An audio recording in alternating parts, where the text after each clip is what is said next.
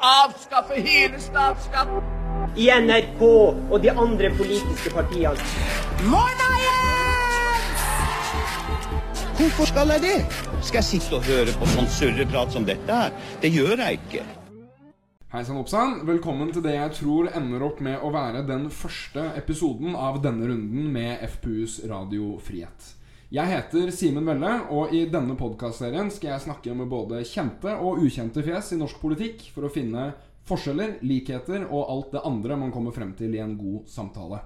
Det er viktig for meg å si at i denne podkasten skal vi ikke krangle mot hverandre, vi skal snakke med hverandre. Rett og slett en ting vi politikere er nødt til å bli litt flinkere til i det 21. århundret. Dagens gjest det er en mann de fleste FPU-ere kjenner veldig godt. Han har vært FPU-er selv på både 80- og 90-tallet. Han har vært generalsekretæren både vår og Frp sin, og etter noen år i næringslivet er han tilbake i partiet og gått inn i sin tredje stortingsperiode for Fremskrittspartiet. Velkommen skal du være, Hans Andreas Limi. Tusen takk. Eh, veldig veldig hyggelig at du eh, hadde lyst til å komme og, og, og prate litt eh, med meg. Og, og, jeg tenkte å starte med å spørre eh, hvordan vil du beskrive deg selv ideologisk? Jeg har alltid vært eh, liberalist. Eh, nå er det veldig enkelt å si det. ikke sant? Altså, det som er utfordringen, det er å vise det i praktisk politikk. Mm. for meg så har alltid friheten og frihetsbegrepet vært veldig førende i, i min politiske virksomhet. Jeg tror på enkeltmennesket. Jeg tror på markedet. Og jeg tror at mye av det vi ser rundt oss i dag, er en synlig dokumentasjon på at det er markedet som bør få større innflytelse på, på det som skjer i samfunnet. Fordi det å tro at man kan regulere folks aktivitet, regulere bedriftene og gjennom å detaljstyre oppnå vekst og velstand, det er helt feil, og det har vi veldig mye dokumentasjon på at uh, ikke fungerer. Har du noen eksempler på ting du mener at markedet styrer bedre enn staten? Ja, Vi ser jo um, innen det offentlige Norge, da, mm. så har vi f.eks. Hvis du tar helsevesenet vårt Nå mener ikke jeg at vi skal overlate det til markedet. Uh, men vi ser jo hvor mange forsøk det har vært på å få helsevesenet til å fungere bedre. Mm. Prøve nye organisatoriske modeller, bevilge mer penger. Fortsatt så er det åpenbare mangler innen det offentlige helsevesenet. Der burde man jo i større grad bruke markedet og slippe til private aktører mm. som kan levere tjenester like godt som det offentlige. Og på den måten så vil du også få en Kall det en type konkurranse mm. mellom offentlige og private leverandører. Og det vil være til pasientenes og samfunnets beste. Så markedet kan man bruke, eller markedsmekanismene kan man alltid bruke.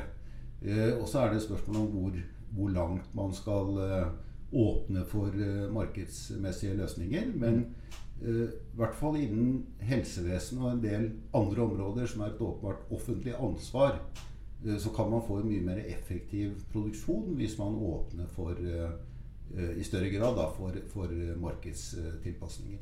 Nå hørtes det ut som at du har gått den gode gamle FPU-skolen. For det er jo akkurat sånn jeg ble svart på det samme spørsmålet. Men, det er bra. Når var det du meldte deg inn i FPU, Hans Andreas? Jeg meldte meg inn i i FPU i 1979. Ja, Hva var det som fikk deg til å melde deg inn? Det var Jeg skal være helt ærlig og si at kanskje hovedgrunnen var, var partiutspørringen av, av, Fremskrittspartiets formann Carl I. Hagen mm. foran kommunevalget i 1979. Da hadde Carl bestemt seg for å svare mest mulig ja eller nei. Være veldig tydelig, mm. og han fremsto som en helt annerledes politiker. Mm. Og så var det på Den gangen på slutten av 70-tallet, begynnelsen av 80-tallet, eller hele 80-tallet, så var det en veldig sterk ideologisk debatt. Mm. Uh, helt annerledes enn det på mange måter er i dag. Mm. Uh, du hadde klarere ideologiske skillelinjer mellom partiene. Du hadde sterkt uh, det vi i dag kaller Rødt, som den gangen var AKP-ML. Altså de, de Mao-tro kommunistene. Mm. Eh, så det foregikk mange spennende debatter, og det var også en spennende brytningstid eh, med den kalde krigen. Det var eh, på mange måter også økonomiske nedgangstider i Norge. Så snudde det, så fikk vi jappetiden. Ja. Så det var veldig mye som skjedde som på en måte bidro til å endre samfunnet. Eh, og- Norge var et gjennomregulert samfunn. Altså vi var, vi var det siste landet i Europa, sammen med Albania, eh, som fikk eh, mangfold i, eh, innen radio og TV. Og det er ganske utrolig å tenke på. Altså det, alt det vi tar som en selvfølge i dag, det var altså ingen selvfølge på tidlig 80-tall. Ja, man har jo hørt eh, denne velkjente skomonopoltalen til, eh, til Tor Mikkel Wara. Og for oss eh, ungdommer så er det kanskje rart å se for seg at, at samfunnet var så forskjellig bare for noen få tiår siden. Men det er jo faktisk en, en, en ganske lang rekke med frihetskamper som har blitt vunnet. da Ja, f.eks. så var det umulig å kjøpe melk og brød etter klokken fem. Eh, og jeg husker uh, Tiny um, Henning Holstad, som var aktiv med i Fremskrittspartiet den gangen, og også vært det senere. Han åpna jo en sånn storkiosk nede på Skøyen i Oslo. Eh, hvor han da hadde åpnet altså, åpent i, un- i påskedagene. Ja. Og spesielt da annen påskedag, da folk kom tilbake fra fjellet, så kunne de dra innom der og kjøpe melk og brød. Så mandagen etter påske, da. Mandagen etter påske. Mm. Og da ble det politirazzia. Så ille var det. Det ble politirazzia, butikken ble stengt, og jeg husker ikke om han ble dømt, men han fikk i hvert fall noen kraftige bøter. Eh, og da er vi tilbake i første halvdel av 80-tallet. Så, så ille var det. Det høres jo helt Det var vi som presset frem eh, at man skulle åpne for eh, nærradioer. Den gangen så startet vi Radio Frihet. Ja, det var jo første sesong av den Ja. podkasten. Ja, ja. Så, så, så det var en helt annen tid, og det var veldig, veldig mye å kjempe for. Og jeg tenker at Fremskrittspartiet har bidratt til at, som jeg sa innledningsvis, det vi opplever som en selvfølge i dag, det, det har vi bidratt til at det har blitt sånn. For det var faktisk helt, helt annerledes for eh, 40 år siden. Det er ganske Det blir sånn tankevekkende resonnement Andreas. Det at, eh, at Norge faktisk og, og Vesten har endret seg såpass mye eh, ba- bare på noen få tiår. Men du har jo ikke bare vært FPU-er, du har jo faktisk også vært generalsekretær. eh, Både her og i, i Frp. Jeg, jeg finner ingen andre som har vært generalsekretær begge steder. Stemmer det? Og du er den eneste som har gjort det? Ja, det stemmer nok. Jeg var den første generalsekretæren i FPU. Mm. Eh, I hvert fall som ansatt generalsekretær, og så ble jeg den første generalsekretæren i, i Fremskrittspartiet. Fordi Fremskrittspartiet hadde ikke generalsekretær. Det var, eh, det var organisasjonssjef, Mm. eh, og så var det kontorsjef. Ja. Så den rollen var splittet i to, da, på en måte? Ja. Ja. Så ble jeg generalsekretær i skal vi se, det var 1988. Hvor er det morsomst å være generalsekretær, da? Her eller i Frp? Nei, det var mye morsommere i FBU. Selvfølgelig. Ja, ja. Det er ikke noe tvil om det, men husk på også at eh, når jeg ble generalsekretær, så var jeg 24 år. Ja, eh, i dagens samfunn så er det voksen alder, men den gangen så var det jo veldig spennende, fordi eh, det var jo da vi bygget opp FBU. og eh, eh, vi var den ledende organisasjonen på, på kall det høyresiden, eller ikke-sosialistisk side. Mm. Så jeg tror eh, unge Høyre og Høyre snakker fortsatt om den tapte generasjonen. Ja. Eh, fordi alle som var interessert i politikk, og som ikke var sosialister, de gikk mer eller mindre til FBU, så det var en utrolig spennende tid. Det var veldig mye som skjedde. Vi hadde en, eh, en partiformann i Fremskrittspartiet som het Carl I. Hagen, og som var veldig pro FPU, og som liksom bidro til da, at FPU-erne kom opp og frem og fikk innflytelse i partiet. Det er mye av den samme, samme støtten vi i dag nyter av, eh, av vår nåværende leder Sylvi. Hun også har et veldig sånn positivt eh, FPU-syn. Og det, det veier tungt, det, altså, for oss Mm. unge å ha, å ha den støtten. Eh, Men så gir du deg som generalsekretær litt ut på 90-tallet, stemmer det? Ja, jeg sluttet i eh, 1994. Ja. Og det var jo et, eh, for de som kjenner partiets historie, et ganske bråket år med litt av et landsmøte og sånne ting. Eh, Men så kommer du inn igjen på Stortinget i 2013. Og hva gjorde du i alle disse årene mellom 1994 og 2013? 19 hele år.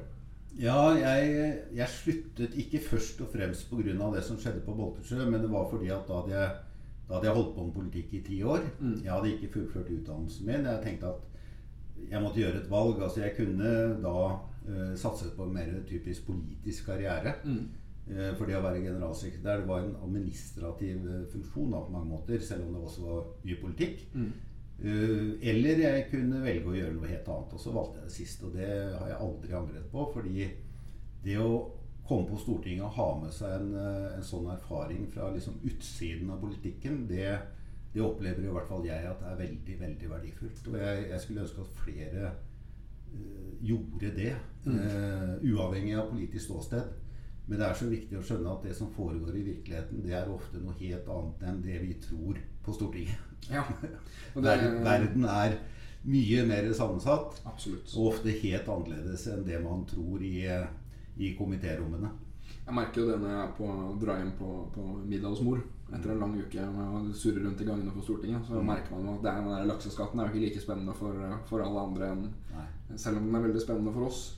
Men eh, jeg har hørt rykter om at du har jobbet for Olav Thon, stemmer det? Ja, det er riktig. Jeg begynte hos Olav Thon da i 1994. Ja. Og jeg jobbet der i seks år, ble det vel. Ja. Mm. Er han en kul fyr å jobbe for? Eh, ja, eh, på godt og vondt. Eh, fordi han eh, er jo en veldig dominerende eier og arbeidsgiver. Eh, han er høyt og lavt, ikke sant? og det må du lære deg å like. Og så er det noe fantastisk fascinerende med en person som sier ja eller nei der og da. Eh, og som ikke er avhengig av liksom lange, tunge styrebeslutninger og masse prosess. Det er rett og slett å se er det noe kommersielt interessant i dette prosjektet.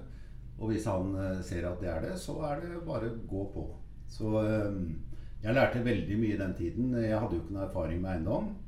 Jeg hadde forhandlet leiekontrakten for partilokalene et par ganger, og det var kanskje grunnen til at han syntes at det var interessant å, å ansette meg i 1994. Ja.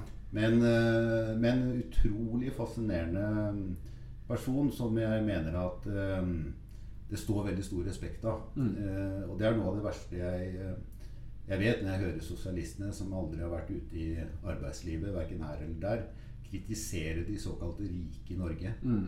Eh, fordi ja, de er rike, men eh, det er en grunn til at de er rike. Absolutt. Og Olav Thon er vel ikke en av disse arvingene heller? Han har bygd sin egen formue, har han ikke det? Han har bygget seg opp siden han kom fra Hallingdalen til byen og um, solgte reveskjell. Ja. Og det ble jo sagt at han strakk de reveskinnene for å få en 10-15 mer ut på prisen. Så, kremmer, altså. så han er en uh, rendyrket kremmer. Og, um, men han er, han er flink, og han har bygget opp um, veldig mye bra. Og ikke minst at han har uh, skapt så mange arbeidsplasser. Mm. Og så er det jo det med eiendom at det er veldig vanskelig å ta med seg de eiendommene og flytte til Sveits eller eh, til, en, Ja. eh, til et skatteparadis. Så, så det er verdier som, eh, som skapes i Norge, og som forblir i Norge. Mm. Hotellvirksomheten, tusenvis av ansatte. Så, og nå har han også stiftelsen som deler ut eh, mange millioner kroner hvert år Mm. til medisinsk eh, forskning. Så det, det står respekt av en person som velger å, å dele med seg på den måten, tenker jeg. Jeg er helt enig. Og det, jeg er også veldig enig i det, det du sier om at disse milliardærene får ufortjent mye tyn. Mm. Eh, og så ser man at man hele tiden skal øke skattene og på en måte forsøke å straffe dem. Men, eh, men de, sosialistene glemmer at skatt er en balansegang, Mm. eh, og at det faktisk er frivillig å bo i Norge. Og da kan man ikke piske folk så langt av gårde at de til slutt drar. Det, den tror jeg er veldig u... sånn langsiktig uklok beslutning. Man Ja. ser jo Asker kommune mista vel 130 millioner kroner, millioner kroner i, i skatteinntekter bare på at, Olav, nei, på at Kjell Inge Røkke flytter. Ja. Det er bare kommunale inntekter på 130 millioner kroner i året. Det er helt sykt. Ja, selv eh, sosialdemokratene i Sverige og Danmark har jo skjønt at eh, formuesskatten var eh, veldig feil. Mm. De, har jo fjernet, de fjernet jo formuesskatten for eh, flere tiår siden. Eh, så det er liksom i Norge at det henger igjen. Og jeg opplever også at skattedebatter i Norge er helt annerledes enn enn i våre naboland. Ja. Eh, Der ser man på mm, Når man snakker skattereformer i, i Sverige og Danmark, så er det med tanke på arbeidsplasser og det å skape vekst og, Mm. og, og, og få flere bedriftsetableringer. I Norge så diskuterer vi stort sett skatt ut fra ett ståsted. eh, Og det er eh, sosial Eller det er fordeling. ja. Det er fordeling og sosial profil. For, for- det er jo noe jeg Tror du det handler om uh, at vi er såpass godt økonomisk stelt i Norge at vi ikke trenger å tenke så mye på etablering av arbeidsplasser? Eller i hvert fall tenker at vi ikke trenger det? Eh, Eller tror du det har mer med på en måte hvordan Norge Altså hvordan resten av samfunnsdebatten ser ut? Tror du på en måte oljefondet, da, for å si det litt banalt, har noe, noen påvirkning på hvorfor Eller måten vi snakker om skatt på? Ja, det, det har nok det. Men jeg, jeg har tenkt mye på hvorfor det er eh, Hvorfor vi er annerledeslandet i så mange sammenhenger. Og jeg skal ikke si at jeg har noe godt svar på det, men jeg, jeg tror nok også det har en sammenheng mellom eller med den tette koblingen som er mellom LO og eh, Arbeiderpartiet. Ja. Uh, LO eh, har veldig stor innflytelse på, på Arbeiderpartiet og på den politiske debatten. Mm. Og de har en tydelig politisk agenda. Absolutt. Uh, og jeg tror det bidrar til at vi får andre typer debatter eh, i, i Norge enn det man har i, i de fleste andre land. For LO er ganske toneangivende, spesielt på sånn fordelingspolitikk og arbeidspolitikk og sånne ting. Det var egentlig et veldig godt poeng. Det er det, og så er de representert i eh, Arbeiderpartiets sentralstyre. De er det. Eh, de, de er liksom med på å utforme politikken. Mm. Eh, og ingen av bidragsyterne til Fremskrittspartiet Nå har ikke vi så mange, men altså vi er også bidragsytere. Mm. Eller til Høyre, for den saks skyld. Altså det, de vil jo aldri være i det hele tatt et tema at de skal påvirke vår politikk. De støtter oss fordi at de liker vår politikk, Mm. sånn som den er utformet av partiene. Men, men at de skulle komme inn og, liksom og si at nå, hvis dere kunne tenke dere å justere kursen litt sånn og sånn, så skal dere få en million ekstra. Helt utenkelig. Har aldri vært tema, og kommer aldri til å bli et tema.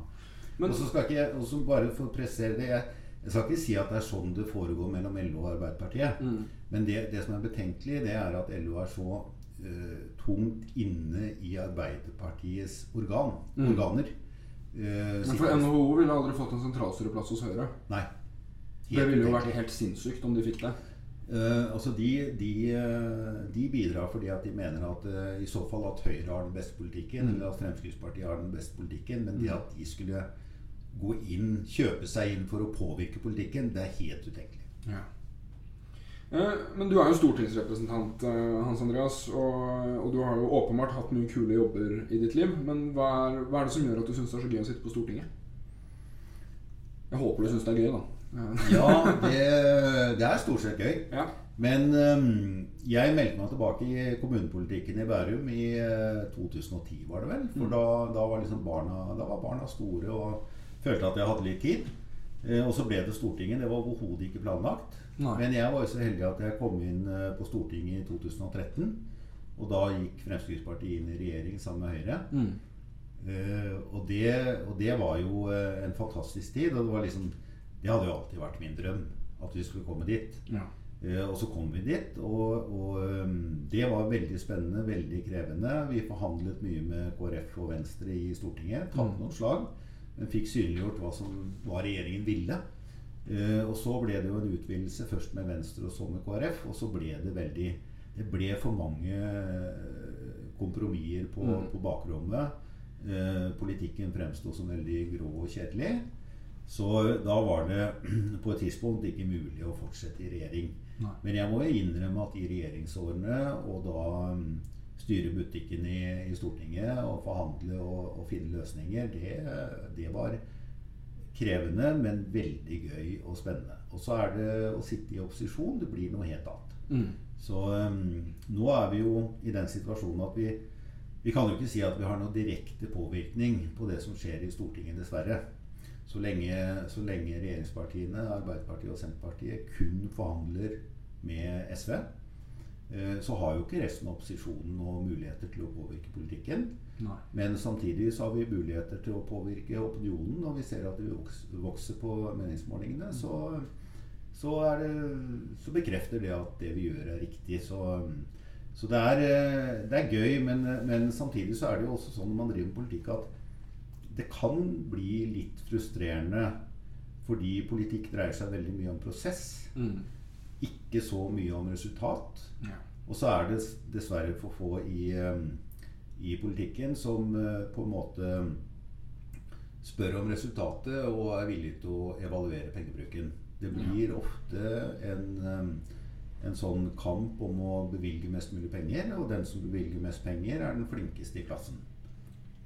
For, for det er jo Til de som ikke vet det, så er Hans Andreas eh, finanspolitisk talsperson og fraksjonsleder i finansfraksjonen.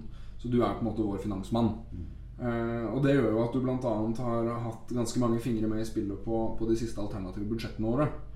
Eh, og, og vi i FPU vi, vi vil jo kutte, kutte ganske mye i de offentlige budsjettene. Det ville sikkert FPU tilbake i din tid også. Eh, men statsbudsjettet det vokser jo omtrent hvert eneste år. Og selv etter 40 år som et på en måte sånn motstands-Frp, så fikk vi finansministeren, og så fortsatte det å vokse. Og jeg tror en del, eh, i hvert fall av de velgerne som syns offentlig pengebruk er viktig, da, lurer litt på hva var det egentlig som skjedde. Ja, nå har nok den, um, den historien har nok flere sider. Eh, fordi det vi klarte å få til, um, eh, i hvert fall den perioden vi satt eh, i regjering sammen med Høyre, var jo å begrense veksten. Eh, Begrense veksten i det offentlige byråkratiet. Men vi, vi klarte ikke å gjennomføre veldig store kutt. Men vi gjorde en del grep. Vi innførte jo eh, den mye omtalte eh, ABE-reformen. Altså Det er en effektivi- effektiviseringsreform som innebærer at alle statlige etater må kutte litt hvert eneste år. Eh, og da snakker vi kanskje 2-3 milliarder kroner i sum. Mm. Det høres lite ut, men eh, før vi eh, gjennomførte dette, så var det ikke noe tilsvarende krav. Eh, og, og, og slike krav har man hatt i andre land i en årrekke. Mm. Så det var ett grep. Vi omorganiserte. Vi gjennomførte en jernbanereform. Um, som dessverre de rød-grønne nå stopper og reverserer. Mm. Eh, Så det, det er synd, fordi at eh, vi så jo de første anbudene som er gjennomført, så, så sparte vi altså mange, mange milliarder kroner eh, gjennom å konkurranseutsette og la andre aktører da konkurrere med tidligere NSB, altså det som nå heter Vy. Mm. Uh, og jeg tror uh, de som er passasjerer med svenska jernbaner eller hva det måtte være, de opplever ikke noe dårligere service, snarere tvert om. Mm. Så gjennomførte vi en reform innen eh, veisektoren med etableringen av selskapet Nye Veier. Mm. Det er fortsatt det. Du kan si det er et offentlig selskap med en egenkapital. Men samtidig så har de en ny, annen kultur og en ny måte å tenke prosjektgjennomføring på som har utfordret Vegvesenet. Mm. Det betyr at Vegvesenet nå også tenker nytt. Uh, og På den måten så har vi spart altså titalls milliarder kroner, og vi får en raskere og mer helhetlig gjennomføring av prosjekter. Så, så det er mange måter å reformere offentlig virksomhet på. Men det som er eh, den store utfordringen, det er at jo Altså, selv om kuttene synes små, så vekker de enorme motkrefter. Mm. Altså Et eksempel er den, eh, det vi kalte for Kemner-reformen. Altså, Kemnerne var jo, eh, var jo i utgangspunktet eh, kommunalt ansatte. Altså, Det er da de som krever inn f.eks. bøter og sånne type ting. skatte- og avgiftsrestanser og den type ting. De er pengeinnkrevere på vegne av staten. Ja, de var det på vegne av kommunene. Mm. Eh, De brukte det samme IT-systemet som eh, Skatteetaten. Mm. Eh, Så eh, det ble da foreslått av Siv Jensen som finansminister å, og overføre disse kemnerne til eh, staten og la de inngå som en del av Skatteetaten, men fysisk plassert ute i kommunene. Å Og gjøre noen effektiviseringsgrep som kunne spare kanskje 400-500 millioner kroner i året. Mm. Det er jo ikke så mye penger per år, men hvis du tenker ti år, så er det fem milliarder. Voldsom reaksjon. Mm. Eh, og det var, det var så voldsomt at vi måtte liksom se oss rundt dette. er drømmer vi, eller er dette, skjer dette? Det er ikke noe veldig sensitivt. Men vi tapte første runde, vi tapte andre runde, og vi vant tredje runde. Så det ble gjennomført til eh, syvende og sist. Men det bare viser altså I Norge så har vi så mange sterke profesjoner. Mm. Eh, og de er så flinke til å mobilisere. Eh, og alle har en eller annen agenda, ikke sant? Mm. Som tilsier at dere kan, dere kan gjøre Dere kan gjennomføre endringer, men det må, ikke, må ikke berøre oss. Og det er den store utfordringen som jeg tror alle som vil um, kutte i offentlige utgifter, vil endre offentlig sektor. De møter den, og det er, og det er ganske massivt. Ja. Så man, man ser jo både på sånn demografiutvikling og på, måte, på, på, veien samfunnet eh, er på, så ser man jo at vi er nødt til å gjøre noen ganske store strukturelle endringer i måten vi bruker penger på. Eh, ved mindre vi skal begynne å skattlegge mye hardere da, eh, enn det vi gjør i dag. Staten den eser ut. Nå har vi bikka 1700 milliarder kroner i statsbudsjettet. Tror du det er mulig å snu det her? Som du sier, vi, vi møter jo massiv motstand. Det er jo på en måte greit nok, men massiv motstand er jo Fremskrittspartiet vant til. Tror du dette er en kamp vi klarer å vinne? Vi har jo egentlig ikke så mye valg. Nei, vi er nødt til å, vi er nødt til å snu det. Eh, altså Det kan ikke bare fortsette, fordi det er eh, Det er veldig spesielt at vi med vårt høye velferdsnivå på, på alle områder Mm. Fortsatt så, så er det liksom diskusjon om eh, nye velferdstiltak. Eh, og det koster alltid veldig mye penger. Og jeg tenker at det som har eh, brakt oss inn i denne situasjonen, det er jo selvfølgelig oljepengene våre. Ja. Eh, vi er veldig rike. Eh, og det har, vi, det har vi fortjent, hadde nær sagt, fordi vi har store olje- og gassressurser. Skulle bare mangle eh, at ikke vi benytter oss av dem. Men, men det er klart at eh, det, det, som, det som har skjedd, er at vi har tatt oss råd til å bevilge oss nye, nye velferdsordninger omtrent hvert eneste år. Mm. Uh, og da kommer vi til et punkt hvor vi rett og slett må begynne å tenke gjennom har vi råd til dette i, i fremtiden. Jeg uh, tror, ser ikke for meg at vi får gjennomført noen sånne massive kutt. Jeg tror rett og slett vi må bare begynne å tenke helt annerledes. Altså hvordan organiserer vi offentlig sektor? Hvordan slipper vi til private?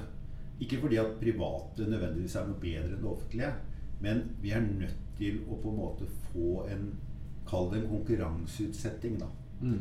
av uh, offentlig tjenesteproduksjon. For det er uh, Det vet vi alle sammen, at uh, det å, det å liksom oppleve litt konkurranse og se at det er noen du skal, du, du skal sammenligne deg med, det har en positiv effekt, altså. Mm. Og vi gjennomførte, som jeg nevnte, Nye Veier. Vi så umiddelbart hva som skjedde med Vegvesenet. Eh, og det må vi gjøre på mange andre sektorer. Så jeg tror mer eh, på å gå den veien. Enn å Eh, gjennomføre de store kuttene. Ja, altså omorganisere for å effektivisere og redusere utgiftene. Men hvor mye tror du vi kan effektivisere driften av staten? Altså, jeg, jeg på en måte konkluderer litt med det at så lenge staten har såpass mange oppgaver som de har, da, og så mener vi jo også at så lenge staten har ansvaret, så skal det også gjøres skikkelig. Det er på er på en måte også et poeng. Og så lenge staten har alle disse ansvarene, og alle disse ansvarene skal gjøres skikkelig, så klarer jeg liksom ikke å se hvordan vi klarer å kutte noen seriøse summer. For det blir jo som du sier, da, noen hundre millioner her og en milliard der og sånne ting, men statsbudsjettet er jo på 1700 milliarder kroner. Altså, går det an altså, Hvordan skal velferd, fremtidens velferdsstat se ut? da? Skal, vi, skal, vi ha færre, skal staten ha færre ansvarsområder, eller skal man nedprioritere alt lite grann? Altså, hvor, hvor er det de måte store pengesummene skal komme fra? da? Fordi man ser jo at eh, det pensjonsfondet vi har i dag, det eksisterer jo sannsynligvis ikke en jævlig pensjonist. Det er fullt mulig at de pengene er brukt opp. Hvordan, hvordan skal vi på en måte gå inn i fremtiden da, med et sånt system som er så på en måte brukket og ødelagt som det egentlig er? Ja, For det første så tror jeg ikke du skal, eh, skal være bekymret for at eh, oljefondet er borte når du blir eh, pensjonist. Det er godt å høre. Da måtte du i så fall bli en gammel. Men i i normal, eh, hvis du tenker en normal pensjonistalder, Mm. da tror jeg ikke du skal være redd for det. fordi at det vi ser, altså når vi kom inn i regjering i 2013, så var vel eh, oljefondet totalt på rundt 4000 milliarder. Eh, nå svinger det veldig. Men, men det er liksom, la oss si at det er mellom 10 og 12, da. Mm. Eh, 1000 milliarder, så jeg tror ikke vi skal være redd for det. Fortsatt vil det være stor olje- og gassaktivitet. Vi fyller på fondet. Men jo, skal man starte en, en prosess med å, å redusere offentlige utgifter, så må man jo starte med å definere hva trenger strengt tatt å være et offentlig ansvar. Mm. Ikke sant? Da, hva, hva er det Gå litt tilbake til basic. Mm. Eh, hva skal det offentlige være, og for hvem? Og da må man definere altså, hva er et sosialt sikkerhetsnett. Hva skal nivået på det være? Eh, da må du definere liksom hvilke tjenester og tjenesteproduksjon som kan løftes ut til private. Og dette gjelder jo ikke bare staten, det gjelder jo i aller høyeste grad kommunene. Mm. Eh, Så hvis, hadde, hvis du hadde fått en tverrpolitisk eh, sammensatt komité er et skjellsord, men kall det et utvalg Mm. Som liksom var villig til Som fikk et mandat, da. Gå igjennom. Jeg satt i eh, Det var da vi tilbake igjen i 1991 i noe som het Kleppe II-utvalget, som ble ledd av tidligere eh, finansminister Per Kleppe. Mm. Vårt mandat det var å redusere de samlede overføringene med 5 milliarder kroner. Og det var et ganske stort beløp i 1991, altså. Mm. Eh, og det klarte vi. Men da var vi gjennom absolutt alt innenfor statlig virksomhet. Mm. eh, for å se hvor man, eh, hvor man kunne gjøre endringer og, og redusere både overføringer og dra ned utgiftene. Og det klarte vi den gangen. Jeg mener at det er noe tilsvarende som må gjøres. fordi at vi trenger et linjeutvalg, rett og slett. ja, da hadde vi ikke, da hadde vi heller ikke de oljeinntektene vi har i dag. ikke sant? Så, så vi er nødt til å, å ta noen, øh, ta noen øh, omfattende grep. Men problemet er at for ett eller to partier, da altså La oss si Høyre og Fremskrittspartiet. Hvis vi skulle gjennomføre noen sånne dramatiske kutt Altså dramatisk i den forstand at det ville bli opplevd som dramatisk, så ville vi jo aldri bli gjenvalgt. Nei, ikke sant. Så, så tidshorisonten er så kort. Og derfor så er du helt nødt til å ha med deg også noen fra Forventer ikke at du kan få med noen fra Rødt eller SV, men kan i hvert fall sikkert fått med noen fra Arbeiderpartiet. I hvert fall Arbeiderpartiet som det var Mm. i sin tid. Eh, for å se liksom hvordan klarer vi å håndtere dette ikke bare, altså Perspektivmeldingen da, som legges frem i Stortinget, Mm. sier jo noe om og har jo masse fremskrivninger. Ikke sant? Eh, og det den viser, det er at ja, vi, eh, vi blir flere og flere eldre. Utgiftene vokser. Eh, men eh, hvis vi kunne fått en større del av den arbeidsføre befolkningen vår over i arbeid, Mm. så hadde vi tetta det gapet med en gang. Og vi har 600 000 ikke sant? Mm. som er utenfor arbeidslivet. Ja. Av en eller annen grunn. Og det er klart, noen er så syke at de kan ikke, kan ikke arbeide. Men, men har du andre som da kunne gjort en, en eh, I hvert fall en, tatt en deltidsjobb eller vært inne i arbeidslivet på en måte. Eh, og det ville bidra så mye til verdiskapningen at da ville vi liksom tettet det gapet eh, som oppstår mellom eh, løpende inntekter og utgifter hvis du ser 40-50 år fram i tid. Så det handler rett og slett om å, om å bevare og styrke arbeidsplassene. Det er helt riktig. Og så må vi da stimulere eh, flere til å ta en jobb. Og da må det være lønnsomt å jobbe. Mm. Og da må det være mer lønnsomt å ha egen arbeidsinntekt kontra å gå på Nav, for å, for å si det rett ut. Og den er upopulær. Den er upopulær. For det, da møter vi jo eh, Da møter vi jo hele venstresiden med, Ja. med Ja. faner og bannere og det som Ja, ja, ja. Nei, for det er jo FPU sin store kjepphest, denne, denne folketrygden, som er på 400 et eller annet milliarder kroner i året. Mm. Og så er jeg enig i at mye av det er pensjoner, og mye av det er, som du sier, helt nødvendige utgifter. Men det er jo ingen tvil om at det er noe som skurrer når vi er det landet i verden som bruker mest penger per innbygger på helsevesenet, og samtidig har et av verdens høyeste sykefravær. Det er jo noe som ikke henger på greip. Ja. Og, det, og jeg er helt enig med deg. Og, det, og det med, spesielt det med helsevesenet. Altså, det har vært eh, så mange helseministre og regjeringer av, med ulik farge som har prøvd å gjøre endringer i helsevesenet. Mm. Eh, men resultatet blir egentlig ikke noe annerledes. Mm. Um, og så vet vi at norsk helsevesen er bunnsolid. Altså, det, det, det er veldig mye som fungerer veldig, veldig bra. Mm. Men det koster for mye. Mm. Og da er spørsmålet hvordan kunne vi effektivisert dette? Hvordan kunne vi eh, løst ting? Altså det at vi har alle disse helseforetakene. Hvorfor må vi ha det i et land med fem millioner innbyggere? Kunne vi, hatt, eh, vi kunne hatt de lokale helseforetakene og så en statlig overbygning.